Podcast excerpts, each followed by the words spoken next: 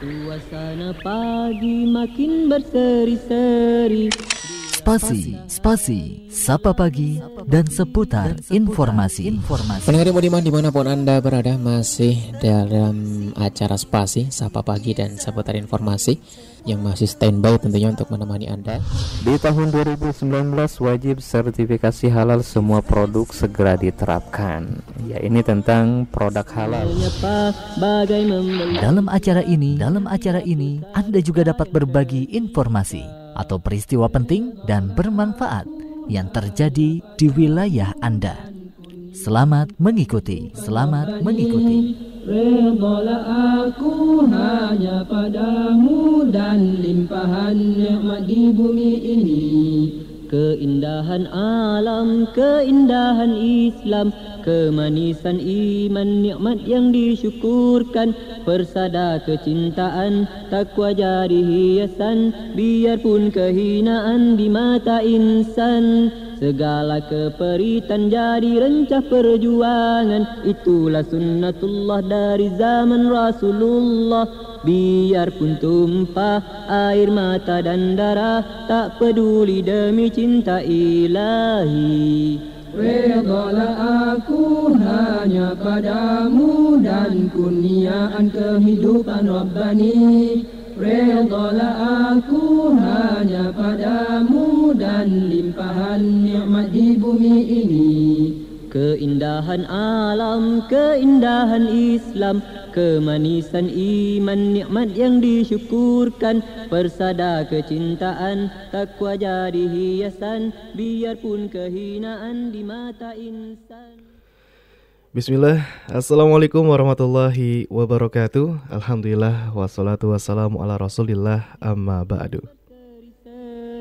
Bila matahari mula menjenguk diri Terlukis keindahan Ya, pendengar yang budiman di mana pun Anda berada Alhamdulillah segala puji bagi Allah subhanahu wa ta'ala Yang senantiasa memberikan begitu banyak nikmatnya kepada kita dan juga salawat beserta salam semoga senantiasa tercurahkan kepada Nabi Muhammad Sallallahu Alaihi Wasallam suri teladan kita dalam segala hal dan juga semoga kepada keluarga beliau kepada para sahabatnya dan juga kepada kita semua sebagai pengikutnya hingga akhir zaman. Amin. Ya robbal alamin. Aku hanya padamu dan limpahan nikmat di bumi ini. Ya, pendengar yang berbahagia di mana pun Anda berada, apa kabar Anda di pagi hari kali ini? Semoga Anda dan juga keluarga beserta orang-orang yang Anda cintai senantiasa berada dalam keadaan sehat walafiat dan tak kurang suatu apa pun serta semoga hari-hari kita senantiasa diisi dengan banyak amal solih dan juga ibadah kepada Allah Subhanahu wa taala. Amin ya rabbal alamin. Ya pendengar, Jumpa lagi bersama saya Haris Insya Allah kurang lebih satu setengah jam ke depan Sampai jam 7 pagi ini Di acara spasi Sapa Pagi dan seputar informasi Informasi yang akurat, bermanfaat, dan penting untuk umat Kali ini di edisi hari Ahad tanggal 17 Januari 2021 Masehi dan juga bertepatan di tanggal 4 Jumadil Akhir 1442 Hijriah. Biarpun kehinaan di mata insan Segala keperitan jadi rencah perjuangan. Itulah sunnatullah dari zaman Rasulullah. Ya, mendengar dalam acara ini Anda dapat berbagi informasi yang penting dan juga bermanfaat di wilayah Anda dan juga dapat berbagi peristiwa penting yang terjadi di wilayah Anda. Dan juga mengomentari berita yang kami sajikan di 0811 11 10 993 SMS, WhatsApp dan juga Telegram atau di facebook.com garis miring Radio Fajri dan insya Allah kami akan sampaikan rangkuman peristiwa penting dalam sepekan terakhir baik dari dalam negeri maupun luar negeri.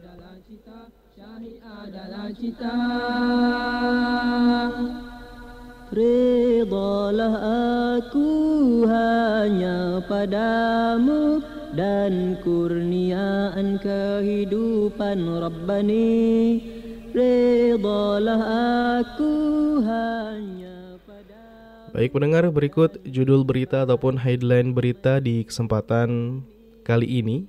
Dari regional dilaporkan vaksinasi COVID-19 di Kabupaten Bogor diundur.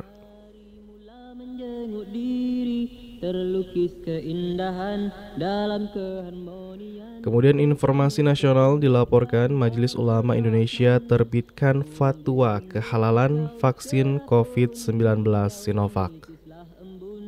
Dari hujung dedaun lembut bayu menyapa bagai membelai jiwa menggilap dosa-dosa yang tersisa. Informasi nasional berikutnya pendengar dilaporkan pimpinan MPR desak Kemenag dan polisi tangkap pembakar Ponpes Muhammadiyah. Aku hanya padamu dan limpahan nikmat di bumi ini. Selanjutnya dilaporkan Majelis Ulama Indonesia minta pemerintah protes Sri Lanka terkait kremasi jenazah korban COVID-19. Biarpun kehinaan di mata insan Segala keperitan jadi rencah perjuangan Itulah sunnatullah dari zaman Ya pendengar informasi selanjutnya kabar duka dari dalam negeri dilaporkan Syekh Ali Jaber meninggal dunia. Redalah aku hanya padamu dan kurniaan kehidupan Rabbani Redalah aku hanya Dan pendengar informasi terakhir dari nasional dilaporkan tujuh orang meninggal dunia dalam gempa Sulawesi Barat, ribuan mengungsi. Nikmat yang disyukurkan. Persada kecintaan takwa jadi hiasan. Biarpun kehinaan di mata insan. Ya pendengar demikian informasi dari nasional dan juga regional. Selanjutnya informasi dari dunia internasional atau mancanegara. Di antaranya dilaporkan 40 ribu warga Afghanistan terbunuh dalam lima tahun terakhir hanya padamu dan kurniaan kehidupan Rabbani. Redalah aku hanya padamu. Selanjutnya pendengar dilaporkan kamp pengungsi Rohingya di Bangladesh Selatan terbakar. Majulah ke hadapan Islam takkan kalah. Begitu janji Allah Kemenangan milik kita Ya dilaporkan Facebook hapus laman Persatuan Ulama Internasional setelah keluarkan fatwa boykot Israel. padamu dan kurniaan kehidupan Rabbani Kemudian pendengar Israel kembali lakukan penggalian di kompleks Al-Aqsa. di bumi ini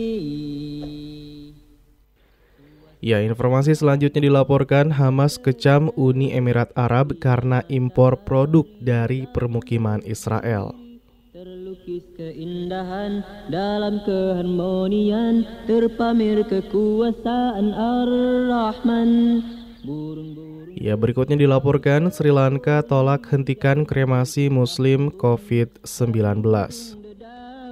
Lembut bayu menyapa Bagai membelai jiwa Menggilap dosa-dosa yang tersisa Baik mendengar informasi selanjutnya berasal dari India dilaporkan sebuah masjid di Hyderabad, India dihancurkan oleh orang tak dikenal. Aku hanya padamu dan limpahan nikmat di bumi ini Keindahan Kemudian informasi dari Inggris dilaporkan siswi muslim di Inggris dipulangkan karena tolak mengenakan rok pendek.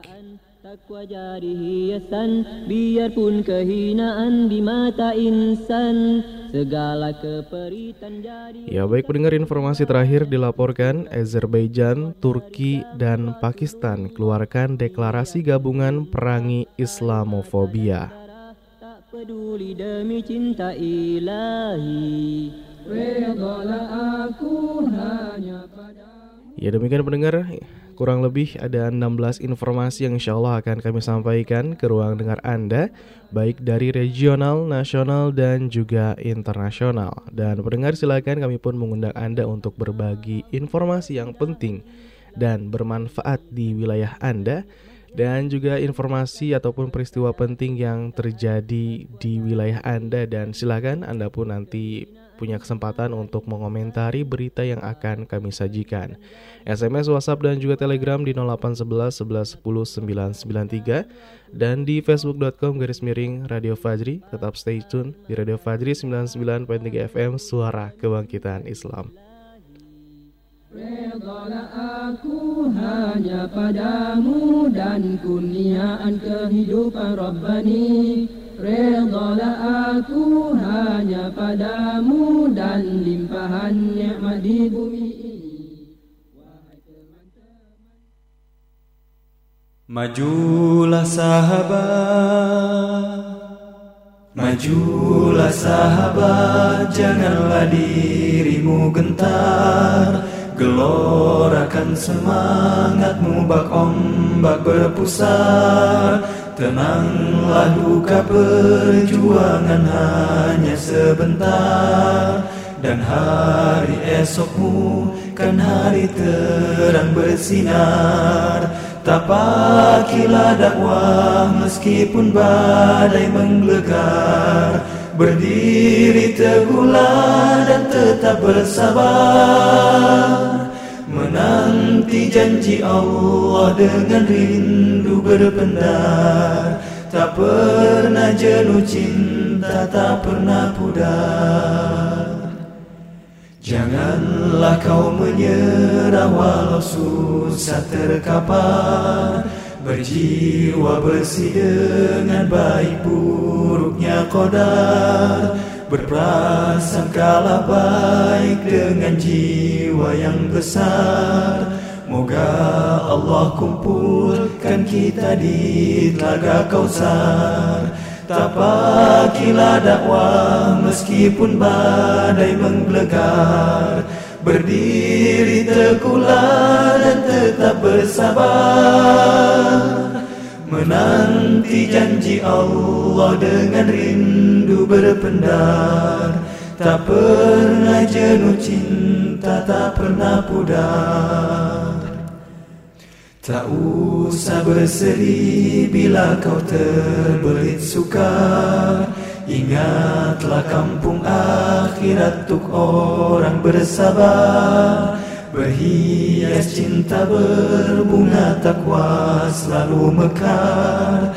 Di dalam hati bagai purnama yang bersinar. Junjunglah tinggi panji Islam selalu berkobar.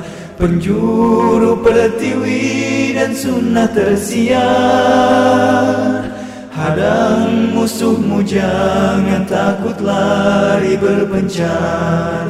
Lazimkan jamaah meski kau menggigit akar. Lazimkan jamaah meski kau menggigit akar. Radio Fajri, suara kebangkitan Islam. Suasana pagi makin berseri-seri Bila matahari mula menjenguk diri. Ya baik pendengar, masih di acara spasi Sapa Pagi dan seputar informasi-informasi yang akurat, bermanfaat, dan penting untuk umat. Baik pendengar, sebelumnya terima kasih banyak. Jazakumullah khairan kathiron kepada Anda yang setia mendengarkan siaran Radio Fajri Semoga menambah wawasan pengetahuan agama keislaman dan juga meningkatkan keimanan tentunya. Amin ya rabbal alamin. Baik pendengar, mengawali informasi di pagi hari kali ini berasal dari regional Kabupaten Bogor dilaporkan vaksinasi COVID-19 di Kabupaten Bogor diundur. Keindahan alam, keindahan Islam Kemanisan iman Ya pendengar pelaksanaan vaksinasi COVID-19 di Kabupaten Bogor kemungkinan akan diundur Sebab hingga saat ini pemerintah kabupaten masih menunggu keputusan dari pemerintah Provinsi Jawa Barat mengenai jadwal penerimaan vaksin itu sendiri. Kepala Dinas Kominfo Kabupaten Bogor, Irwan Purnawan mengatakan Pemkap Bogor belum bisa memperkirakan kapan tanggal pelaksanaan vaksinasi. Sebelumnya Kabupaten Bogor berencana melaksanakan vaksinasi COVID-19 pada 14 Januari 2021 hingga 22 Januari 2021. Hal ini sebagaimana diungkapkan Irwan kepada media Jumat yang lalu. Ya, pendengar Irwan menjelaskan kesiapan dari Pemkap Bogor juga terkait dengan gudang penyimpanan vaksin. Rencananya, vaksin akan disimpan di gudang penyimpanan Dinas Kesehatan Kabupaten Bogor, tepatnya di Jalan Tegar Beriman, Kecamatan Cibinong. Meski vaksin tersebut belum diterima oleh Pemkap Bogor, Irwan mengatakan sebanyak sekitar 15.000 tenaga kesehatan di Kabupaten Bogor sudah menerima pesan singkat atau SMS sebagai penerima vaksin COVID-19. Nantinya Pemkap Bogor akan mendata sesuai dengan nama dan alamat para nakes, siapa saja yang akan menerima vaksin di gelombang pertama. Selain itu pendengar penerimaan vaksin diundur, Irwan melanjutkan simulasi pemberian vaksin pun akan diundur. Sebelumnya simulasi vaksinasi COVID-19 di Kabupaten Bogor direncanakan pada 12 Januari 2021 di lokasi yang ditentukan Dinkes Kabupaten Bogor. Ya demikian pendengar dilaporkan vaksinasi COVID-19 di Kabupaten Bogor diundur.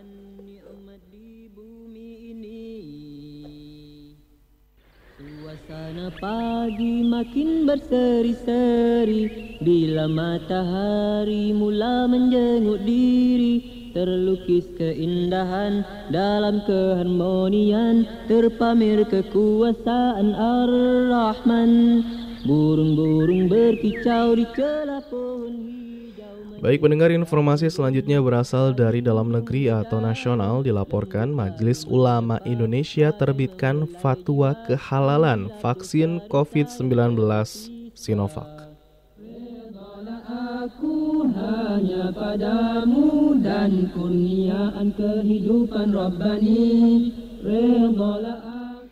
Ya pendengar setelah BPOM resmi menerbitkan izin penggunaan darurat vaksin COVID-19 produksi Sinovac, Majelis Ulama Indonesia mengeluarkan keputusan fatwa kehalalan CoronaVac, vaksin produksi Cina tersebut.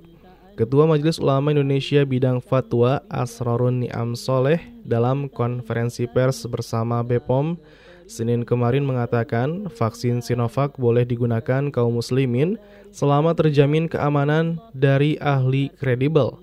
Ia juga menambahkan bahwa Badan POM punya otoritas untuk menegakkan hal tersebut.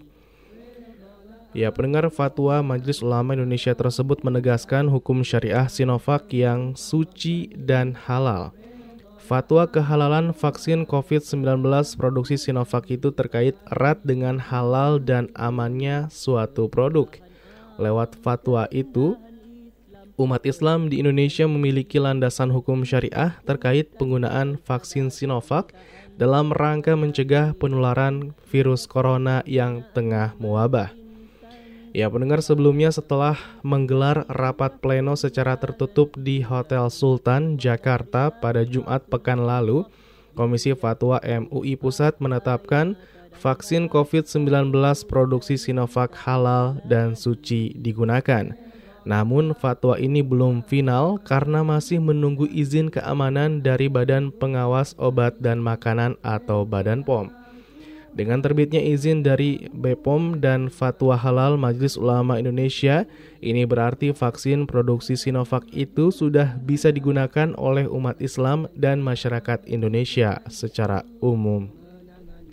Ya demikian pendengar dilaporkan Majelis Ulama Indonesia terbitkan fatwa kehalalan vaksin COVID-19 Sinovac. Aku hanya padamu dan kurniaan kehidupan Rabbani. Redalah aku hanya padamu dan limpahan nikmat di bumi ini Ya baik pendengar informasi selanjutnya masih dari dalam negeri dilaporkan pimpinan MPR desak Kemenag dan polisi tangkap pembakar Ponpes Muhammadiyah. Dalam keharmonian terpamer kekuasaan Ar-Rahman ia dilaporkan Wakil Ketua MPR RI Hidayat Nur Wahid mendesak pemerintah dan penegak hukum khususnya Kementerian Agama dan Polri untuk mengusut kasus pembakaran pesantren Muhammadiyah di Lamongan, Jawa Timur. Sebelumnya Sekjen Majelis Ulama Indonesia Pusat Amir Syah Tambunan menyesalkan terjadinya teror pembakaran pondok pesantren Al-Furqan Muhammadiyah di Lamongan. Ya Majelis Ulama Indonesia meminta agar kepolisian sebagai pengayom dan pelindung serta penegak hukum mengusut tuntas aktor intelektual yang melakukan teror tersebut. Ya senada dengan Majelis Ulama Indonesia, HNW pun meminta pemerintah dan kepolisian untuk melakukan tindakan agar kasus serupa tidak terulang lagi. Ya, sebelumnya dikabarkan Ma'had Al-Furqan Laren milik pimpinan Muhammadiyah Kecamatan Laren, Kabupaten Lamongan terbakar. Peristiwa tersebut terjadi dua kali pada dua Jumat berturut-turut di awal tahun 2021 ini, yakni pada tanggal 1 Januari dan pada tanggal 8 Januari. Ya, pendengar aksi pembakaran terjadi ketika sholat Jumat berlangsung sehingga pondok pesantren dalam keadaan sepi. Hal ini sebagaimana keterangan pengasuh Ma'had Al-Furqan Kiai M. As'ad. Kebakaran yang melanda pondok pesantren tersebut secara beruntun menimbulkan tanda tanya sebab disebut ada bau minyak tanah yang menyengat. Kejadiannya pun selalu hari Jumat ketika suasana pondok sedang sepi. Ya demikian pendengar dilaporkan pimpinan MPR desak Kemenag dan polisi tangkap pembakar Ponpes Muhammadiyah. Hanya padamu dan kehidupan Rabbani Redalah aku hanya padamu dan limpahan nikmat di bumi ini. Wahai teman-teman majulah ke hadapan. Islam takkan kalah begitu janji Allah. Ya, pendengar yang budiman di mana pun Anda berada, informasi selanjutnya masih dari dalam negeri. Dilaporkan Majelis Ulama Indonesia Majelis Ulama Indonesia minta pemerintah protes Sri Lanka terkait kremasi jenazah korban COVID-19.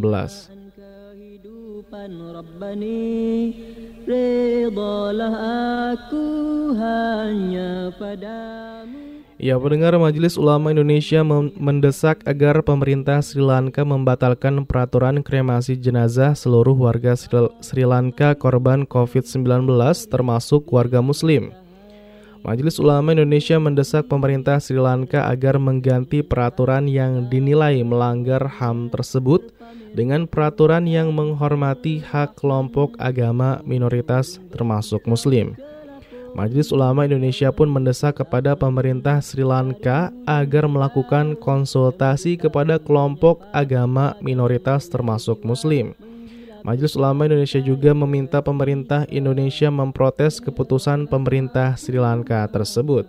Hal ini pendengar sebagaimana diungkapkan Ketua Komisi Luar Negeri Bunyan Sabtomo di Jakarta Kamis kemarin.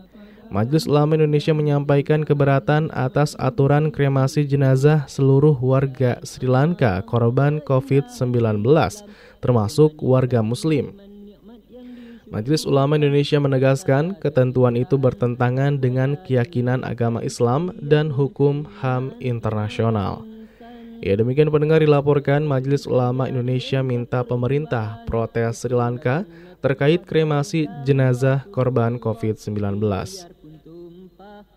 mata dan darah tak peduli demi cinta ilahi Redalah aku hanya padamu dan kurniaan kehidupan Rabbani. Redalah aku hanya padamu dan limpahan nikmat di bumi ini Keindahan alam, keindahan Islam Kemanisan iman, nikmat yang disyukurkan. Persada kecintaan, takwa jadi hiasan Biarpun kehinaan di mata insan. Segala keperitan jadi rencah perjuangan. Ya baik pendengar yang budiman di mana pun anda berada Informasi selanjutnya Kabar duka dari Indonesia berkaitan dengan Pesawat Sriwijaya Air Kemudian Syekh Ali Jabir meninggal dunia dan gempa Sulawesi Barat. Dan pendengar informasi selanjutnya dilaporkan 2.500 personel SAR gabungan diterjunkan dalam operasi pencarian pesawat Sriwijaya Air. Teman-teman majulah ke hadapan. Islam takkan kalah begitu janji Allah. Kemenangan Ya, pendengar dilaporkan hingga Senin kemarin tim SAR gabungan terus melanjutkan operasi pencarian pesawat Sriwijaya Air dan para penumpang serta awaknya yang jatuh di perairan ke Kepulauan Seribu DKI Jakarta. Setidaknya sebanyak 2.500 personel tim SAR gabungan diterjunkan dalam operasi tersebut. Sedangkan peralatan yang dikerahkan terdata 81 unit kapal, 12 helikopter, dan 32 peralatan darat. Hal ini sebagaimana keterangan resmi Basarnas Ahad malam kemarin. Sebelumnya pendengar sejak Sabtu malam, posko utama pencarian pesawat Sriwijaya Air SJ182 didirikan di Terminal 2 Pelabuhan Tanjung Priuk, Jakarta Utara. Basarnas beserta unsur-unsur SAR gabungan kemudian menemukan serpihan-serpihan yang diduga berasal dari pesawat tersebut yang berhasil dikumpulkan di lokasi itu. Pencarian dilakukan perairan Teluk Jakarta hingga malam hari. Ya, pendengar serpihan-serpihan yang ditemukan oleh tim SAR gabungan berupa komponen-komponen sebagian pesawat, termasuk pakaian anak dan potongan tubuh manusia. Sebelumnya pesawat Sriwijaya Air dengan nomor penerbangan SJ182 rute Jakarta Pontianak dilaporkan hilang kontak pada Sabtu sore sekitar pukul 14.40 waktu Indonesia Barat. Pesawat yang bertolak dari Bandara Soekarno-Hatta tersebut mengangkut sebanyak 62 orang, terdiri dari 46 dewasa, 7 anak-anak, 3 bayi, dan 6 kru pesawat termasuk pilot.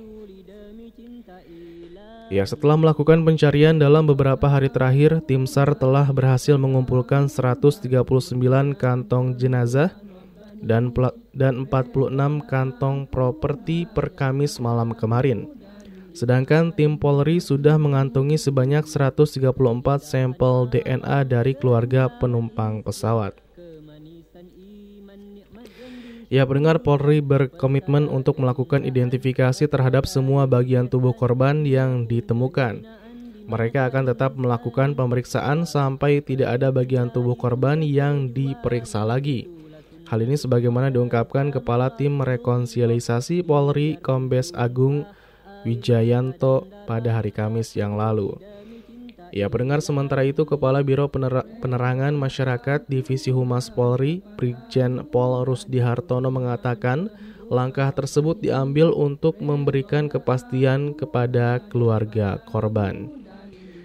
Ya, demikian pendengar dilaporkan 2.500 personel SAR gabungan diterjunkan dalam operasi pencarian pesawat Sriwijaya Air. Syahid adalah cita, syahid adalah cita. Redalah aku hanya padamu dan kurniaan kehidupan Rabbani. Redalah aku hanya padamu dan limpahan nikmat di bumi ini. Pagi makin berseri-seri Bila matahari mula menjenguk diri Terlukis keindahan dalam keharmonian Ya baik pendengar yang budiman di mana pun Anda berada demikian beberapa informasi yang telah kami sampaikan di antaranya berkaitan dengan vaksinasi COVID-19 di Kabupaten Bogor yang diundur.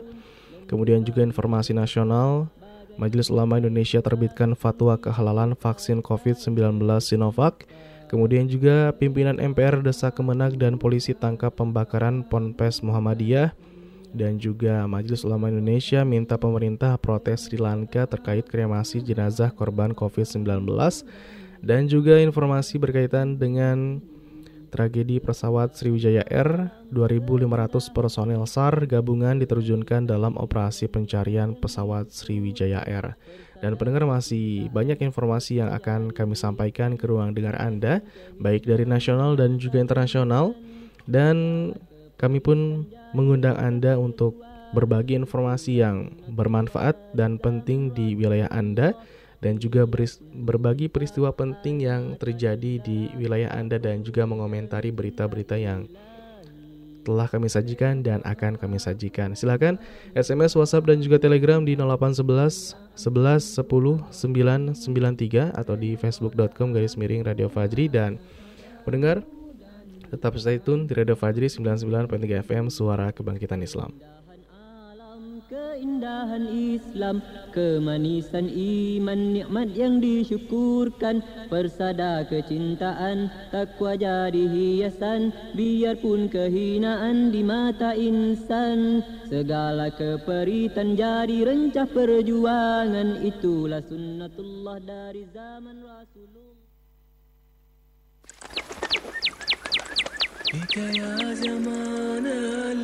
Mendengar, salah satu tujuan Nabi Muhammad Sallallahu Alaihi Wasallam diutus ke dunia ini adalah untuk menyempurnakan akhlak.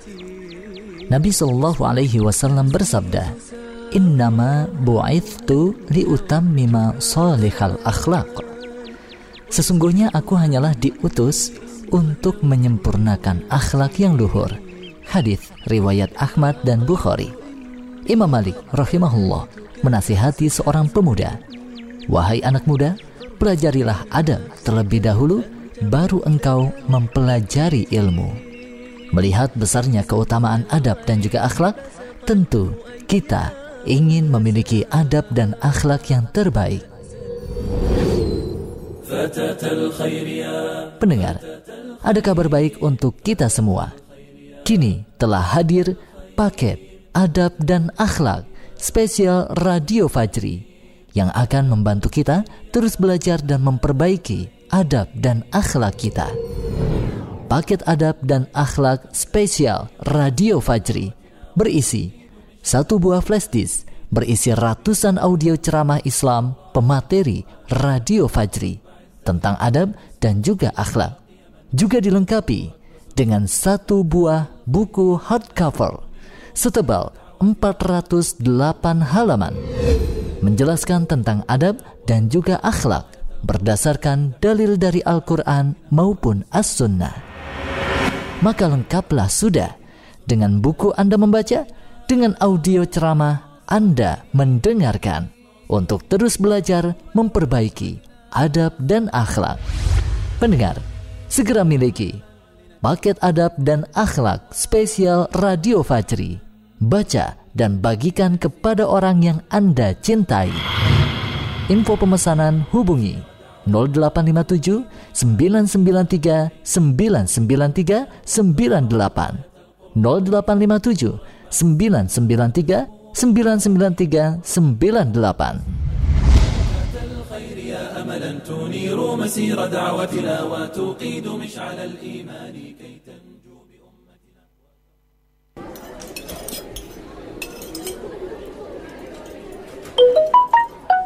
Masya Allah, Masya Allah, Barokallahu Fik. Kenapa ah? Ini pesan broadcast dari Radio Fajri. Wah, aneh kok nggak dapet ya? Padahal aneh pendengar setia juga nih. Udah daftar belum? Lebih dekat dengan Radio Fajri, belajar Islam jadi lebih mudah. Daftarkan diri Anda update informasi seputar keislaman dan dapatkan nasihat, gambar, dan video islami dari Radio Fajri. Serta jadilah agen penebar hidayah. Ketik nama, tanda pagar kecamatan, tanda pagar kota domisili, dan kirim melalui WhatsApp ke nomor 0811 1110 993 0811 1110 993 Wah, kudu langsung daftar nih. Iyalah, daftar buruan. Dan jangan lupa ah, pakai WhatsApp ya, bukan pakai SMS. Islam adalah agama mulia yang dirahmatkan Allah yang Esa Satukan hati untuk berjuang sebuah gerakan kebangkitan Islam adalah agama mulia yang dirahmatkan Allah yang Esa. Satukan hati untuk berjuang Sebuah gerakan kebangkitan. Jalan yang panjang Penuh rintangan Tak akan mundur Walaupun hanya selangkah Rasul mulia sebagai pedoman Quran dan Sunnah sebagai jalan hidup kami. Islam adalah agama mulia yang dirahmatkan Allah yang Esa Satukan hati untuk berjuang sebuah gerakan kebangkitan. Islam adalah agama mulia yang dirahmatkan Allah yang Esa. Satukan hati untuk berjuang sebuah gerakan kebangkitan. Jalan yang panjang penuh rintangan tak akan mundur walaupun hanya selangkah Rasul mulia sebagai pedoman Quran dan Sunnah sebagai jalan hidup kami Saat ini Anda sedang mendengarkan frekuensi 99.3 Fajri FM dan radio streaming di alamat situs www.fajrifm.com. Fajri, suara kebangkitan Islam. Suasana pagi makin berseri-seri bila matahari mula Ya 99.3 Fajri FM Suara Kebangkitan Islam Belajar Islam jadi lebih mudah. Ya pendengar masih di acara spasi Sapa Pagi dan seputar informasi. Informasi yang akurat, bermanfaat dan penting untuk umat. Insya Allah kebersamaan kita hingga pukul 7 pagi ini. Dan Anda ditemani saya Haris. Insya Allah akan menyampaikan informasi yang penting dalam sepekan baik dalam maupun luar negeri Ya pendengar baik informasi selanjutnya masih dari dalam negeri atau nasional dilaporkan Syekh Ali Jaber meninggal dunia. dan limpahan nikmat di bumi ini keindahan alam keindahan Islam kemanisan Ia pendengar ulama Indonesia asal Madinah Syekh Ali Jaber meninggal dunia pada Kamis kemarin tepatnya pada pukul 8 pagi. Syekh Ali Jabir meninggal di rumah sakit Yarsi dan hal ini sebagaimana keterangan yang disampaikan Ketua Yayasan Syekh Ali Jabir Habib Abdurrahman Al-Habsyi dalam keterangan tertulisnya Kamis kemarin. Ya pendengar Ustadz Yusuf Mansur melalui akun Instagram resminya juga mengatakan Syekh Ali Jabir meninggal sudah dalam keadaan negatif COVID-19. Sebelumnya Syekh Ali Jaber menjalani perawatan intensif setelah dinyatakan positif COVID-19. Kondisinya sempat dikabarkan membaik beberapa waktu lalu. Beberapa waktu yang lalu. Sementara itu pendengar Wakil Ketua Umum Majelis Ulama Indonesia Buya Anwar Abbas mengatakan sosok pendakwah Syekh Ali Jaber dikenal sebagai orang mulia dan baik hati serta dicintai oleh banyak kalangan. Buya Anwar mengatakan Syekh Ali Jaber banyak berkontribusi khususnya untuk umat Islam di Indonesia dan sebagai sosok yang menyadarkan manusia terhadap penciptanya. Buya Anwar meminta seluruh masyarakat Indonesia untuk mendoakan Syekh Ali Jaber dan ia pun mengaku berduka cita yang sedalam-dalamnya atas kepergian Syekh Ali Jaber. Ya innalillahi wa inna ilaihi rojiun. Baik pendengar, demikian dilaporkan Syekh Ali Jaber meninggal dunia. Takkan kalah begitu janji Allah Kemenangan milik kita Syahid adalah cita Syahid adalah cita Redalah aku hanya padamu Dan kurniaan Ya baik pendengar masih kabar duka dari Indonesia dilaporkan tujuh orang meninggal dunia dalam gempa Sulawesi Barat ribuan orang mengungsi.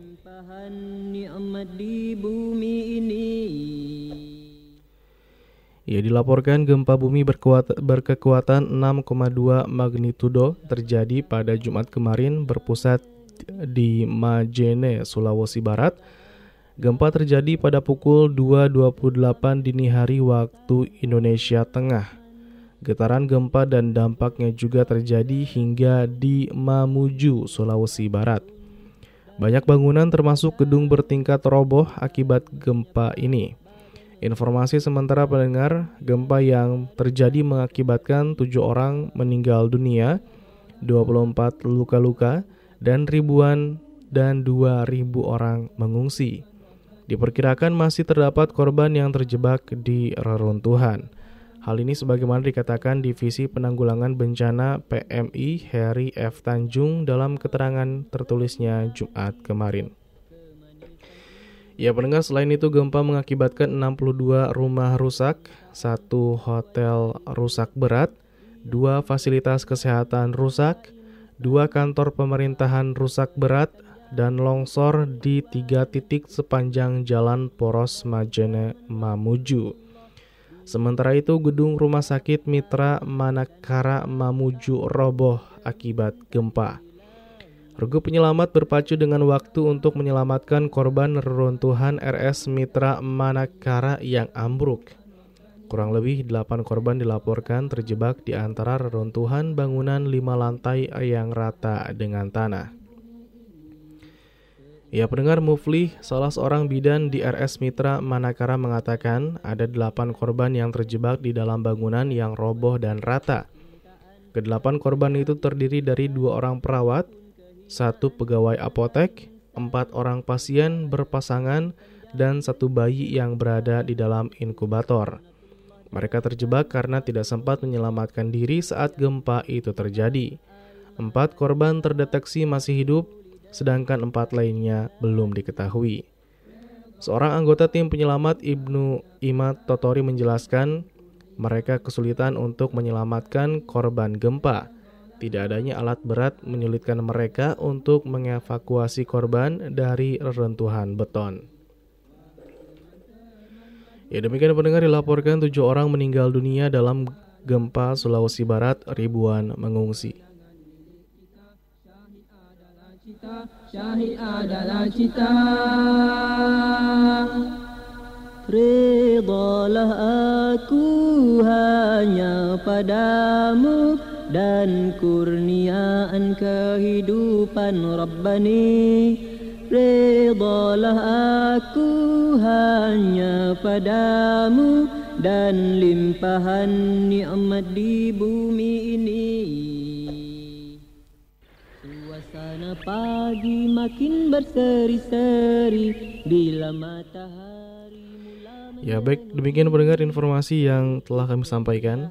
Informasi dari nasional Berkaitan dengan kabar duka Indonesia Pesawat Sriwijaya Air Kemudian juga Syekh Ali Jabir yang meninggal dunia Dan juga gempa di Sulawesi Barat Baik pendengar silakan Anda berkesempatan untuk mengirimkan informasi yang bermanfaat dan penting. Juga mengomentari berita yang kami sajikan di 0811 11 10 993 atau di facebook.com garis miring Radio Fajri. Dan sebelum kami sampaikan informasi dari dunia internasional kami akan uh, bacakan pesan ataupun informasi dari Anda.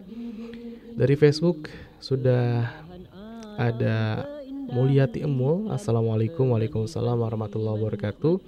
Dari Putat Nutuk Ciseeng Hadir menyimak uh, acara spasi Ahlan wa selamat bergabung Mulyati Emul. Selanjutnya juga ada Uh Tirna Uh Tirna Uh Tirina Uh Tirina ya dari lutut dari Lulut mohon maaf. Dari Lulut Kelapa Nunggal Bogor. Insya Allah hadir menyimak acara swasi Alhamdulillah ya. Selanjutnya ada Nisa Salsabila. Assalamualaikum Waalaikumsalam warahmatullahi wabarakatuh. Depok hadir katanya. Nyimak selalu acara spasi buat Kang Haris. Selamat bertugas. Semoga Allah Subhanahu wa taala berikan kesehatan kepada Kang Haris dan juga semua pendengar setia Radio Fajri FM. Amin ya. Semoga senantiasa diberikan hal kesehatan dan juga penjagaan dari Allah Subhanahu wa taala. Amin. Terima kasih Nisa Salsabila. Selanjutnya ada Sutisna DTS. Assalamualaikum Waalaikumsalam warahmatullahi wabarakatuh. Bogor Selatan Batu Tulis hadir. Ya, wasahlan selamat bergabung pagi kali ini.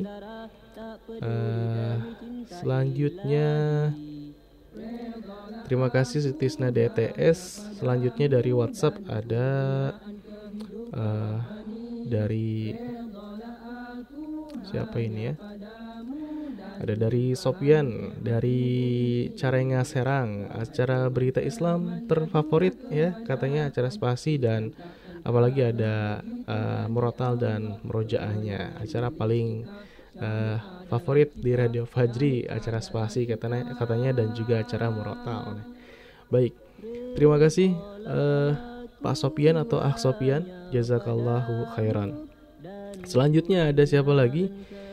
Ada dari keluarga besar dari Edi Ebeg di Kampung Sawah Gang Belimbing ada Denny di Capus Gang Purnama, ada Gaus di Ciawi, ada Amir di Cikuray dan juga ada Ati Tini Endes di Padabenghar dan juga keluarga besar Balat BBRP Jabar Banten. Katanya kita semua ikut nyimak aja. Semoga kru kru Fajri FM dan pendengar setiap Fajri FM selalu dalam lindungan Allah Subhanahu wa taala. Kemudian selalu dalam keadaan sehat walafiat, tidak kurang suatu apa pun dan juga selalu dimudahkan segala urusannya dan juga rizkinya. Amin ya rabbal alamin. Ya masya Allah ya doa yang senantiasa diulang setiap hari ahad ini semoga dengan senantiasa dipanjatkan dikirimkan dibacakan Allah kabulkan doanya. Amin ya rabbal alamin. Baik terima kasih keluarga besar Pak Edi Hebek. Barakallahu fikum. Selanjutnya ada siapa lagi? Ada uh, alhamdulillah katanya Radio Fajri santapan rohani buat ibu setiap hari. Standby terus sebelum jam 4 wes tak dengerin. ya. Ini orang Jawa kayaknya nih ya. Semoga hari ini dan seterusnya semua sobat-sobat selalu sehat walafiat. Amin. Barokallah. Ya wafika barokallah. Masya Allah ya. Dari sebelum jam 4 juga sudah standby. Siap-siap dengerin Radio Fajri. Alhamdulillah semoga uh, menambah pengetahuan dan juga keimanan ya. Baik selanjutnya ada dari ini ada dari Impurwati Assalamualaikum warahmatullahi wabarakatuh. Alhamdulillah Allah subhanahu wa ta'ala masih memberikan kesempatan untuk kita selalu bersyukur dengan banyak karunia-Nya. Iya Walaupun banyak sekali kita mendengar segala kejadian tentang musibah di mana itu uh, pepeling atau pengingat untuk kita semua supaya kita lebih selalu mengingat Allah Subhanahu wa taala selalu mendekatkan diri sama yang maha kuasa karena hidup di dunia ini hanyalah sementara. Iya. Betul ya. Ujian-ujian ataupun bencana musibah yang saat ini kita lihat, kita dengar dimulai dari tragedi Sriwijaya Air yang jatuh di Kepulauan Seribu, kemudian juga ulama kita yang meninggal dunia, ada Syekh Ali Jaber dan juga yang lainnya mungkin. Kemudian juga ada dari uh, Sulawesi gempa. Ya semoga Allah Subhanahu wa taala berikan kesabaran kepada keluarga yang ditinggalkan dan juga semoga korban uh, diterima amal ibadahnya di sisi Allah Subhanahu wa taala dan ditempatkan di tempat yang mulia. Amin ya alamin. Iya, masya Allah. Kejadian yang terjadi di awal tahun ini sebagai pengingat kepada kita, mengingat kematian dan semoga bisa menambah uh, semangat dalam beramal ataupun beribadah. Amin. Baik, terima kasih yang Purwati di Pasir Karet. Barakallahu fiik. Selanjutnya ada uh, signing sih di Jati Uung, Tangerang. Bismillah. Assalamualaikum warahmatullahi wabarakatuh. Waalaikumsalam warahmatullahi wabarakatuh. Uh, semoga tertangkap pelaku pembakaran dan dihukum setimpal dan juga semoga saudara-saudara kita yang berada di Palestina dalam limpahan rahmatnya serta perlindungannya. Kemudian juga semoga Syekh Ali Jaber diterima amal ibadahnya dan keluarga yang ditinggalkan diberikan ketabahan. Iya baik, masya Allah ya. Ini mengomentari informasi yang telah disampaikan tadi. Di antaranya tadi tentang pembakaran pondok pesantren Muhammadiyah dan juga informasi wafatnya Syekh Ali Jaber. Iya baik, terima kasih dari Pasir Jaya. Semoga uh, menjadi ibroh ya, pelajaran informasi yang telah disampaikan pagi kali ini. Ya baik pendengar yang berbahagia di mana pun berada, pendengar yang budiman, silakan Anda masih punya kesempatan untuk berbagi informasi. Informasi yang penting tentunya dan bermanfaat di wilayah Anda dan juga peristiwa penting yang terjadi di wilayah Anda.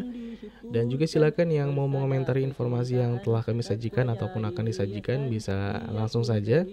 Tadi kita menyampaikan informasi berkaitan dengan vaksin COVID-19 uh, yang diundur di Kabupaten Bogor dan juga halalnya vaksin COVID-19 eh, menurut Majelis Ulama Indonesia, kemudian pembakaran pondok pesantren Muhammadiyah, kemudian juga Majelis Ulama Indonesia yang minta pemerintah protes Sri Lanka terkait dengan kremasi jenazah COVID-19 dan juga kabar duka berkaitan dengan pesawat Sriwijaya Air Syekh Ali Jabir yang meninggal dunia atau wafat dan juga gempa di Sulawesi Barat. Baik, silakan mendengar SMS, WhatsApp dan juga Telegram di 0811 11 10 993 atau di facebook.com garis miring Radio Fajri. hanya padamu dan kurniaan kehidupan Rabbani Redalah aku hanya padamu dan limpahan nikmat di bumi ini. Suasana pagi makin berseri-seri Bila matahari mula menjenguk diri. Terlukis keindahan dalam keharmonian Terpamer kekuasaan Ar-Rahman. Burung-burung Ya, pendengar masih ada acara spasi, sapa pagi dan seputar informasi. Dan informasi selanjutnya berasal dari dunia internasional dilaporkan 40 ribu warga Afghanistan terbunuh dalam lima tahun terakhir.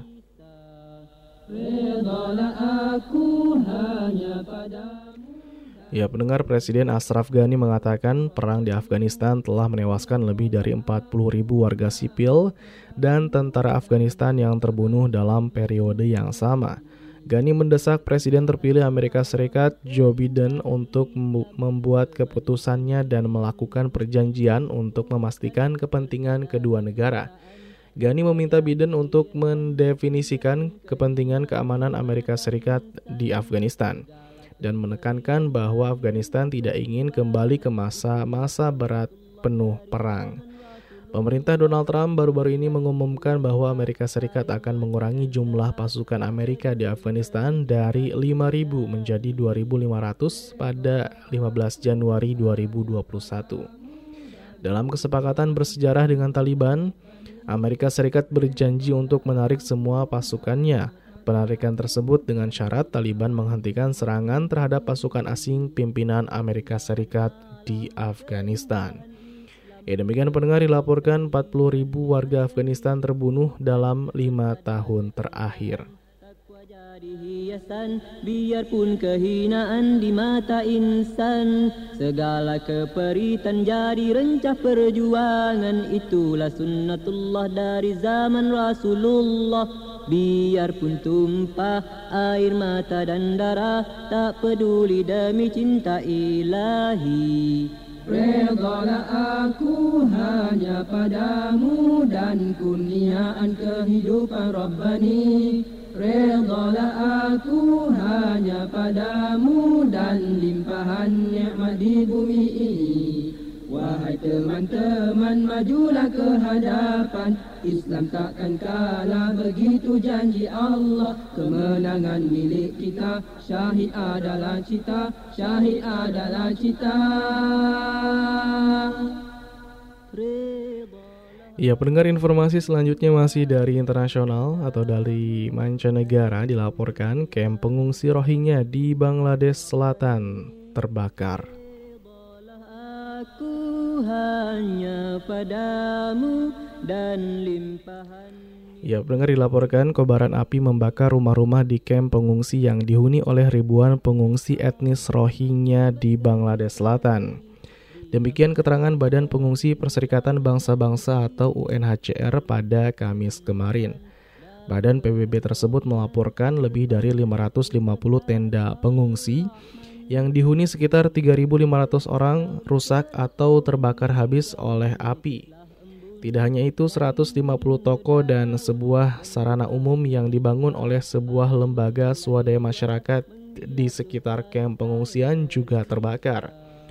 Beberapa foto dan video yang direkam oleh seorang pengungsi di kamp Nayapara menunjukkan bahwa keluarga, di antaranya anak-anak, berjalan di antara puing-puing demi memeriksa barang-barang yang masih dapat diselamatkan. Namun tidak banyak barang yang tersisa di kamp pengungsi selain tiang-tiang beton dan ranting-ranting pohon. UNHCR mengatakan pihaknya menyediakan tenda-tenda baru bahan bangunan, baju-baju musim dingin, makanan hangat, dan obat-obatan untuk para pengungsi yang terdampak oleh malapetaka itu di distrik Cox's Bazar, kamp pengungsi Rohingya yang paling besar di Bangladesh. Cox's Bazar berada di daerah perbatasan antara wilayah Tenggara Bangladesh dan juga Myanmar.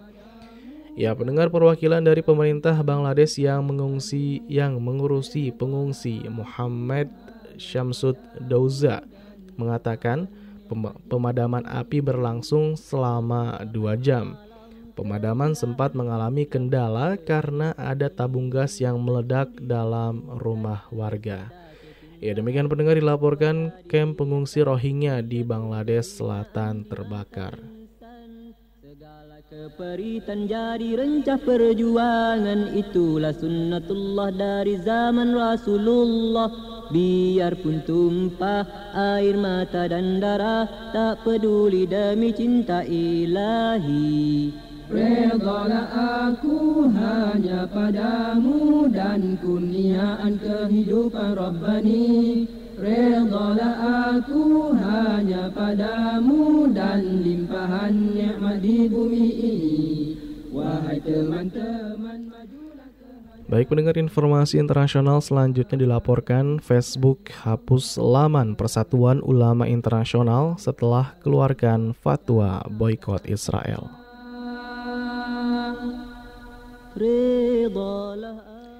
Pendengar Persatuan Ulama Internasional mengutuk penghapusan halamannya oleh Facebook pada Selasa dan membuat laman baru.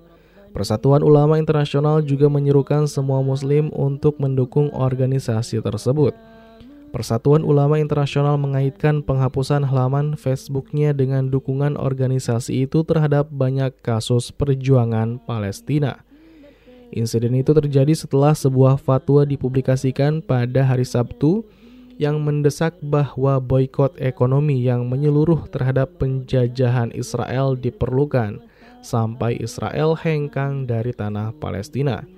Sementara itu pendengar organisasi media Palestina mengadakan boykot sementara Facebook pada hari Sabtu sebelumnya sebagai protes atas kebijakan Facebook mengenai konten terkait Palestina. Kelompok Palestina telah mengeluh selama bertahun-tahun bahwa Facebook telah secara sewenang-wenang menyensor dan menghapus konten pro-Palestina.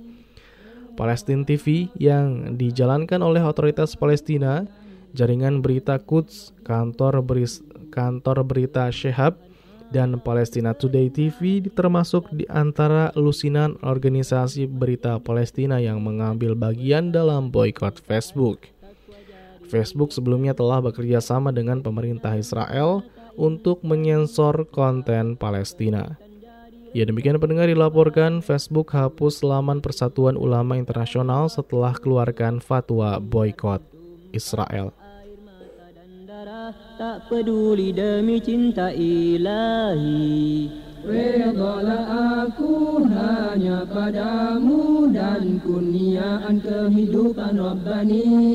Redalah aku hanya padamu dan limpahan nikmat di bumi ini. Keindahan alam, keindahan Islam Kemanisan iman, nikmat yang disyukurkan Persada kecintaan, takwa jadi hiasan Biarpun kehinaan di mata insan Segala keperitan Ya baik pendengar demikian beberapa informasi dari dunia internasional yang telah kami sampaikan ke ruang dengar Anda kurang lebih ada 16 informasi lagi dari dunia internasional ataupun mancanegara yang insya Allah akan segera kami sampaikan uh, selanjutnya dan silakan bagi Anda pendengar yang ingin berbagi informasi yang penting bermanfaat dan juga peristiwa penting dan juga ingin mengomentari berita yang kami sajikan bisa di 0811 1110 993. Ya pendengar berkaitan dengan Palestina, insya Allah kami akan hadirkan ke ruang dengar Anda sebuah informasi 5 fakta tentang Gaza dalam cakrawala Islam. Berikut selengkapnya.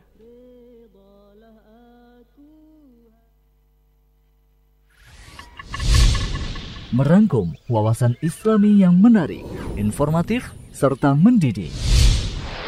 Kali ini Cakrawala Islam menyajikan lima kabar dari Rasulullah Sallallahu Alaihi Wasallam yang menjadi Cakrawala Islam edisi kali ini akan membahas lima tokoh perawi hadis terbanyak.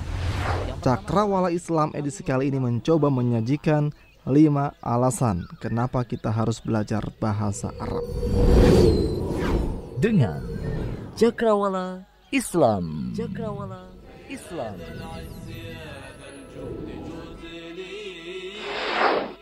Lima fakta tentang Gaza. Pendengar kaum muslimin yang dirahmati Allah Subhanahu wa taala, siapa di antara kita yang tidak mengenal Palestina? Wilayah yang kini dijajah oleh Israel yang berambisi untuk mendirikan negara Yahudi yang mereka yakini sebagai negara yang dijanjikan. Wilayah Palestina terdiri dari dua bagian. Ada tepi barat dan jalur Gaza masing-masing dikuasai faksi politik yang berbeda. Fatah di tepi barat dan Hamas di jalur Gaza. Jalur Gaza sendiri merupakan tanah yang luasnya sepertiga luas Jakarta dengan penduduk sekitar 1,7 juta jiwa. Gaza merupakan kota yang sering menjadi sasaran serangan Israel karena memang mereka khawatir dengan perkembangan Hamas yang vokal menyerukan perang terhadap Israel. Pendengar, pada Cakrawala Islam edisi kali ini, kita akan mencoba mengungkap lima fakta tentang kota Gaza.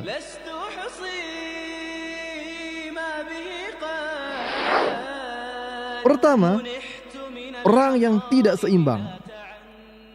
Pendengar, aktivis HAM Israel pernah mengatakan bahwa korban yang jatuh pada konflik di tahun 2008 saja berjumlah lebih dari 700 orang di pihak Palestina, yang mana 300 di antaranya adalah anak-anak dan hanya tiga korban jiwa di pihak Israel. Sementara pada konflik Juli 2014, jumlah warga Gaza yang tewas akibat serbuan roket Israel telah mencapai 360 jiwa.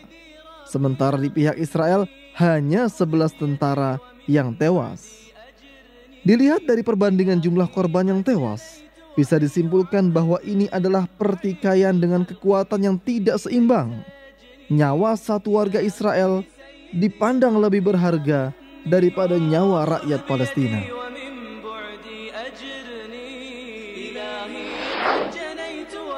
Nah, kemudian fakta yang kedua pendengar, hukuman kolektif. Ya, pemerintah Israel berdalih serangan-serangan yang mereka luncurkan selama ini untuk melindungi keamanan negaranya. Padahal Israel sudah mengurung Gaza sejak Januari 2006 sebagai akibat dari keputusan rakyat Palestina memenangkan Hamas dalam sebuah pemilu yang sah. Israel kemudian memblokade jalur perdagangan Gaza sehingga rakyatnya tak bisa memperoleh beberapa komoditas bahkan koran sekalipun. Blokade ini ditengarai sebagai hukuman kolektif yang dijatuhkan kepada warga Gaza karena memilih Hamas sebagai pemimpin mereka.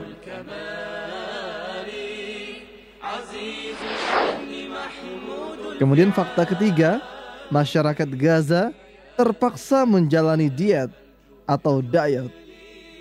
Ya, pendengar, Dov Weiss Glass, mantan kepala staf untuk pemerintah Perdana Menteri Ariel Sharon, pernah mengakui bahwa pendekatan yang dilakukan Israel terhadap warga Gaza adalah membuat orang Palestina terpaksa untuk diet.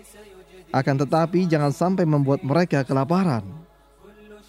Israel mengatur dan melarang makanan dan bantuan yang masuk ke Gaza serta menghitung jumlah asupan gizi yang boleh mereka nikmati. Hal ini tak lain untuk melemahkan mental masyarakat Gaza. Akibatnya, 10% balita di Gaza terhambat pertumbuhannya karena mengalami gizi buruk yang tak berkesudahan. Gizi buruk di Gaza sudah dalam tahap kronis dan tidak menampakkan tanda-tanda perbaikan. Demikianlah yang dilaporkan oleh WHO atau Organisasi Kesehatan Dunia.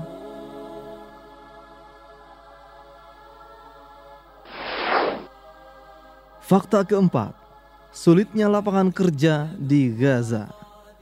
Pendengar, menurut data dari Biro Statistik Palestina, tingkat pengangguran di Gaza menyentuh angka 28 persen yang mana 58% di antaranya berada pada kisaran umur 20 sampai 24 tahun. Selain itu, lebih dari setengah penduduk Gaza adalah anak-anak di bawah usia 18 tahun. Fakta minimnya lapangan pekerjaan di Gaza merupakan hal yang wajar sebab kota tersebut merupakan kota yang sering kali mendapat konflik.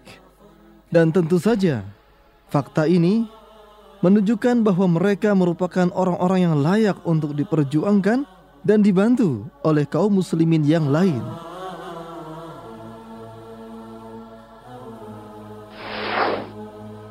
Fakta kelima, Gaza merupakan kota yang miskin dan tempat penampungan pengungsi Palestina dari wilayah lain. Pendengar, data dari PBB mengungkapkan bahwa 80% keluarga di Gaza menggantungkan hidupnya dari bantuan kemanusiaan dan 39% warganya hidup di bawah garis kemiskinan. Selain itu, dua dari tiga warga Gaza, itu artinya lebih dari setengah juta orang Gaza, menyebut diri mereka sebagai pengungsi di Gaza. Ya, mereka adalah orang-orang dari Palestina di luar Gaza yang terpaksa pindah ke Gaza setelah wilayah mereka dihancurkan oleh Israel dan dijajah oleh Israel sejak tahun 1948. Itulah pendengar, lima fakta tentang Gaza. Semoga dengan mengetahuinya, timbul rasa empati kita untuk saudara-saudari kita di sana.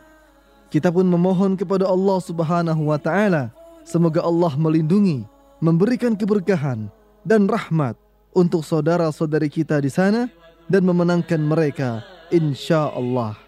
Sekian dalam Cakrawala Islam edisi kali ini dan sampai jumpa di Cakrawala Islam edisi mendatang. Wassalamualaikum warahmatullahi wabarakatuh. Cakrawala Islam. Cakrawala Islam. Radio Fajri, suara kebangkitan Islam.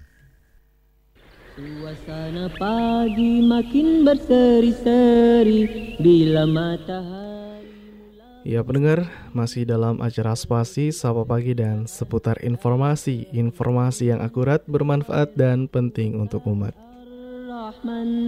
Burung-burung berkicau di celah pohon hijau Menitislah embun dari ujung dedaun Ya baik pendengar informasi selanjutnya masih dari dunia internasional atau mancanegara dilaporkan Israel kembali lakukan penggalian di kompleks Al-Aqsa.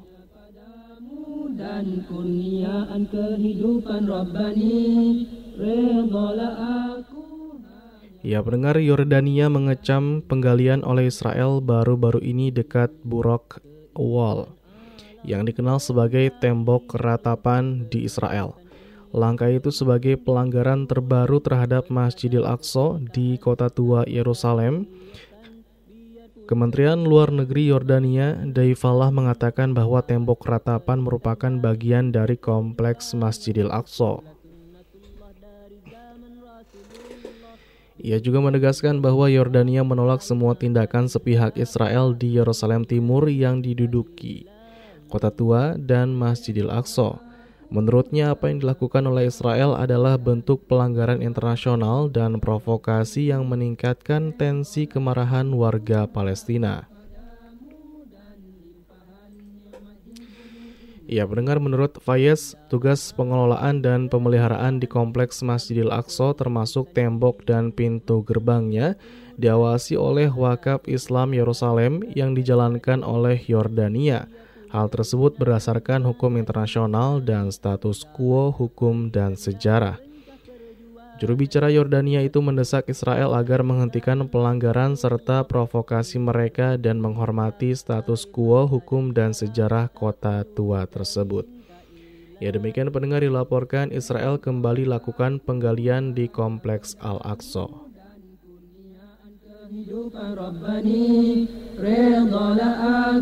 hanya padamu Dan limpahan nikmat di bumi ini Wahai teman-teman majulah ke hadapan Baik, selanjutnya pendengar dilaporkan Hamas kecam Uni Emirat Arab karena impor produk dari permukiman Israel.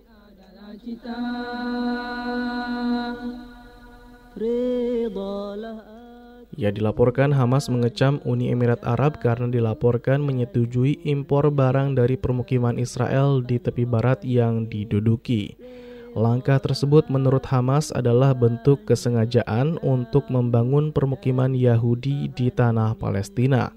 Hal ini sebagaimana diungkapkan juru bicara Hamas Hazim Kasem dikutip dari laman Middle East Monitor Senin kemarin.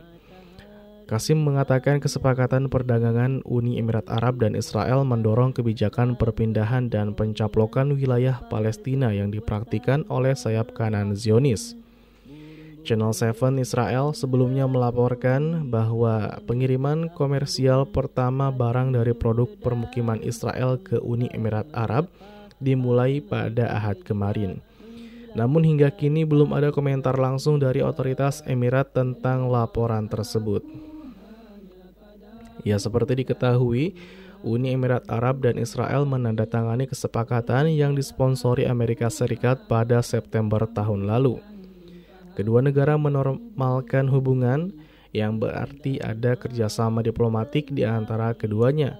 Kemudian langkah tersebut diikuti oleh Bahrain, Sudan, dan yang terbaru adalah Maroko. Awal Desember tahun lalu, Menteri Perdagangan Bahrain mengatakan impor Bahrain dari Israel tidak akan dibedakan antara produk yang dibuat di Israel dan produk dari permukiman ilegal di wilayah pendudukan. Hal ini mendapat teguran keras dari Palestina. Ya demikian pendengar dilaporkan Hamas kecam Uni Emirat Arab karena impor produk permukiman Israel. Dan kurniaan kehidupan Rabbani Redalah aku hanya padamu dan limpahan nikmat di bumi ini Keindahan alam, keindahan Islam Kemanisan iman, nikmat yang disyukurkan. Persada kecintaan, takwa jadi Baik pendengar informasi selanjutnya dilaporkan. Sri Lanka tolak hentikan kremasi muslim COVID-19 sunnatullah dari zaman Rasulullah. Biarpun Ya pendengar pemerintah Sri Lanka mengatakan akan tetap melanjutkan mengkremasi korban COVID-19 muslim meski banyak penolakan yang terlontar. Pemerintah tetap pada keputusan awal yang mengikuti tradisi agama mayoritas Buddha, yakni mengkremasi jenazah secara umum. Penguburan jenazah bagi muslim di Sri Lanka telah dilarang sejak April 2020. Larangan muncul setelah para biksu Buddha menyebarkan klaim mayat yang dikubur dapat menginfeksi air dalam tanah dan meningkatkan penyebaran virus. Ya, Organisasi Kesehatan Dunia atau WHO mengatakan tidak ada bukti yang mendukung klaim tersebut.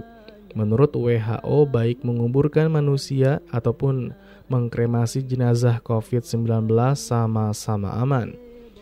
Ritual pemakaman dalam tradisi muslim adalah dengan memandikan jenazah, membungkus jenazah dengan kain kafan, lalu dimakamkan dengan menghadapkan wajah mayat ke, arah Makkah sebagai kiblat umat Islam. Sedangkan umat Buddha yang merupakan mayoritas pemeluk agama di Sri Lanka mengkremasi atau membakar mayat. Organisasi Kerjasama Islam dan Amnesty Internasional telah meminta pemerintah Sri Lanka menghormati keyakinan Islam dan membalikkan kebijakan mereka yang tidak perlu. Pernyataan Oki telah dikeluarkan sejak pertama kali pemerintah Sri Lanka memperlakukan kremasi. Sementara itu, Dewan Muslim Sri Lanka menuduh kebijakan tersebut sebagai upaya pemerintah memaksa Muslim untuk tidak mendatangi rumah sakit COVID-19 karena khawatir mereka akan dikremasi, sehingga mengakibatkan jumlah kematian yang tidak proporsional. Perlu diketahui pendengar bahwa lebih dari setengah dari 222 kematian akibat COVID-19 di negara itu adalah Muslim yang hanya 10% dari populasi. Ya demikian pendengar dilaporkan Sri Lanka tolak hentikan kremasi muslim COVID-19. Biarpun tumpah air mata dan darah Tak peduli demi cinta ilahi Redalah aku hanya padamu dan kurniaan kehidupan Baik mendengar informasi selanjutnya berasal dari India. Dilaporkan sebuah masjid sebuah masjid di Hyderabad, India dihancurkan oleh orang tak dikenal. Kemanisan iman nikmat yang disyukurkan Dilaporkan orang tidak dikenal diduga telah menghancurkan masjid yang sedang dibangun di daerah Neknampur, Hyderabad. Insiden itu terjadi ketika sedang dilakukan renovasi terhadap masjid. Pemimpin organisasi muslim setempat, Amjadullah Khan Khalid mengecam pemerintah Telangana sehubungan dengan insiden tersebut. Amjadullah meminta pemerintah untuk mengusut tuntas dan menyelidiki pelaku sesuai dengan hukum. Pemerintah juga diminta untuk menjamin semua kebebasan termasuk dalam hal pembangunan tempat ibadah. Hal ini sebagaimana diungkapkan Amjadullah kepada media lokal hari Senin kemarin. Ya, pendengar sejumlah politisi Kongres India pun mengatakan bahwa pemerintah di Telangana telah gagal memberikan perlindungan kepada masjid. Demikian pendengar dilaporkan sebuah masjid di Hyderabad, India dihancurkan orang tak dikenal.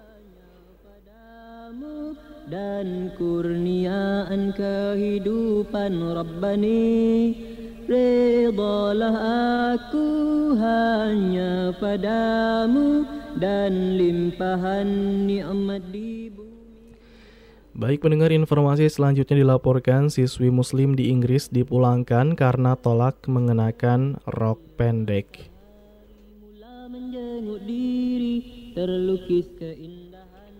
Ia dilaporkan sebuah sekolah di Inggris mengecam akan melakukan tindakan hukum terhadap orang tua dari seorang gadis muslim berusia 12 tahun yang dipulangkan dari sekolah setiap hari pada bulan Desember. Keributan ini diawali karena siswi tersebut, Siham Hamud, menolak mengenakan rok pendek dengan alasan agama. Penolakan tersebut dianggap melanggar aturan berpakaian di sekolah. Hamud merupakan seorang siswi di Axbright High School Dan juga kepada media lokal, ia menyebutkan tindakan yang dilakukan pihak sekolah dirasa sebagai sebuah penindasan atas apa yang ia yakini. Ia juga telah mengenakan rok dengan panjang sampai pergelangan kaki ke sekolah selama bertahun-tahun. Hal ini ia lakukan hingga pihak sekolah menjadikan kebiasaannya sebagai masalah terhadap kedisiplinan pada Desember 2020. Kode seragam sekolah yang diberlakukan dua tahun lalu mewajibkan siswi mengenakan rok lipit. Siham pertama kali didekati oleh para guru tentang masalah tersebut pada tanggal 1 Desember dan memintanya untuk mengubah roknya. Setelahnya ia dipulangkan setiap hari selama sisa semester. Ayah Hamud Idris mengatakan, ajaran Islam yang mereka ikuti percaya bahwa wanita harus mengenakan rok panjang. Ia berencana melawan semua tuntutan hukum yang dibawa sekolah. Ya, pendengar kasus serupa terjadi di Prancis pada tahun 2015 ketika seorang remaja muslim dipulangkan karena rok panjangnya. Menurut para guru, Pakaian yang digunakan secara mencolok menunjukkan afiliasi agamanya. Undang-undang tahun 2004 di Prancis tidak mengizinkan simbol agama dalam klaimnya. Demikian pendengar dilaporkan siswi muslim di Inggris dipulangkan karena tolak mengenakan rok pendek. padamu dan kurniaan kehidupan Rabbani Redalah aku. Hanya padamu dan limpahan nikmat di bumi ini. Wahai teman-teman majulah ke hadapan Kemudian pendengar informasi terakhir di kesempatan pagi kali ini dalam acara spasi dilaporkan Azerbaijan, Turki, dan Pakistan keluarkan deklarasi gabungan perangi Islamofobia. Aku hanya padamu ia dilaporkan Menteri Luar Negeri Azerbaijan, Turki, dan Pakistan mengeluarkan deklarasi bersama pada Rabu kemarin setelah dialog trilateral yang diadakan di ibu kota Pakistan, Islamabad. Deklarasi Islamabad mengatakan para menteri setuju untuk meningkatkan upaya bersama dalam memerangi Islamofobia, diskriminasi, dan penganiayaan terhadap minoritas Muslim, khususnya di forum regional dan internasional. Deklarasi juga mengungkapkan keprihatinan serius atas pelanggaran hak-hak pelanggaran berat hak asasi manusia dan kejahatan terhadap kemanusiaan yang dilakukan terhadap komunitas muslim di berbagai belahan dunia. Deklarasi juga mengekspresikan keprihatinan yang mendalam atas tindakan sepihak dari pelanggaran hak asasi manusia yang terus berlanjut di wilayah Kashmir yang diduduki India. Para menteri juga menegaskan kembali posisi prinsip mereka untuk penyelesaian damai sengketa Jammu dan Kashmir sesuai dengan resolusi Dewan Keamanan PBB yang relevan. Ya demikian pendengar dilaporkan Azerbaijan, Turki, dan Pakistan keluarkan deklarasi gabungan perangi Islamofobia. Kehinaan di mata insan Segala keperitan jadi rencah perjuangan. Itulah sunnatullah dari zaman Rasulullah. Biarpun tumpah air mata dan darah Tak peduli demi cinta ilahi Redalah aku hanya padamu dan kurniaan kehidupan Rabbani.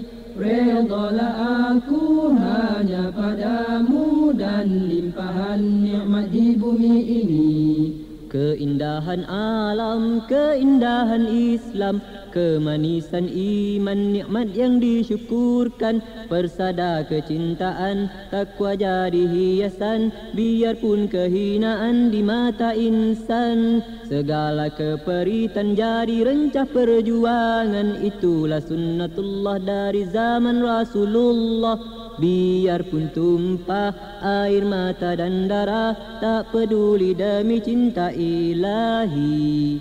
Redalah aku hanya padamu dan kurniaan kehidupan Rabbani. Ya baik pendengar yang beriman di mana pun anda berada masih di acara spasi Sapa Pagi dan seputar informasi Masya Allah. Alhamdulillah sudah kami sampaikan informasi baik dari regional, nasional, dan juga internasional ke ruang dengar Anda. Ada 16 informasi yang telah kami sampaikan dan di akhir sesi ini akan kami bacakan informasi ataupun pesan-pesan dari Anda.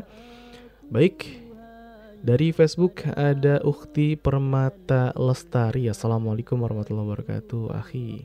Iya, waalaikumsalam warahmatullahi wabarakatuh. Insya Allah Ukti nyimak. Iya.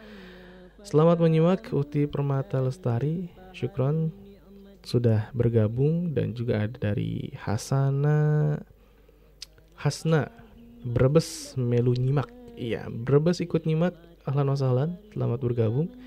Selanjutnya masih dari Facebook ada Suparyanto. Assalamualaikum, waalaikumsalam warahmatullahi wabarakatuh. Ini ada info olahraga memanah.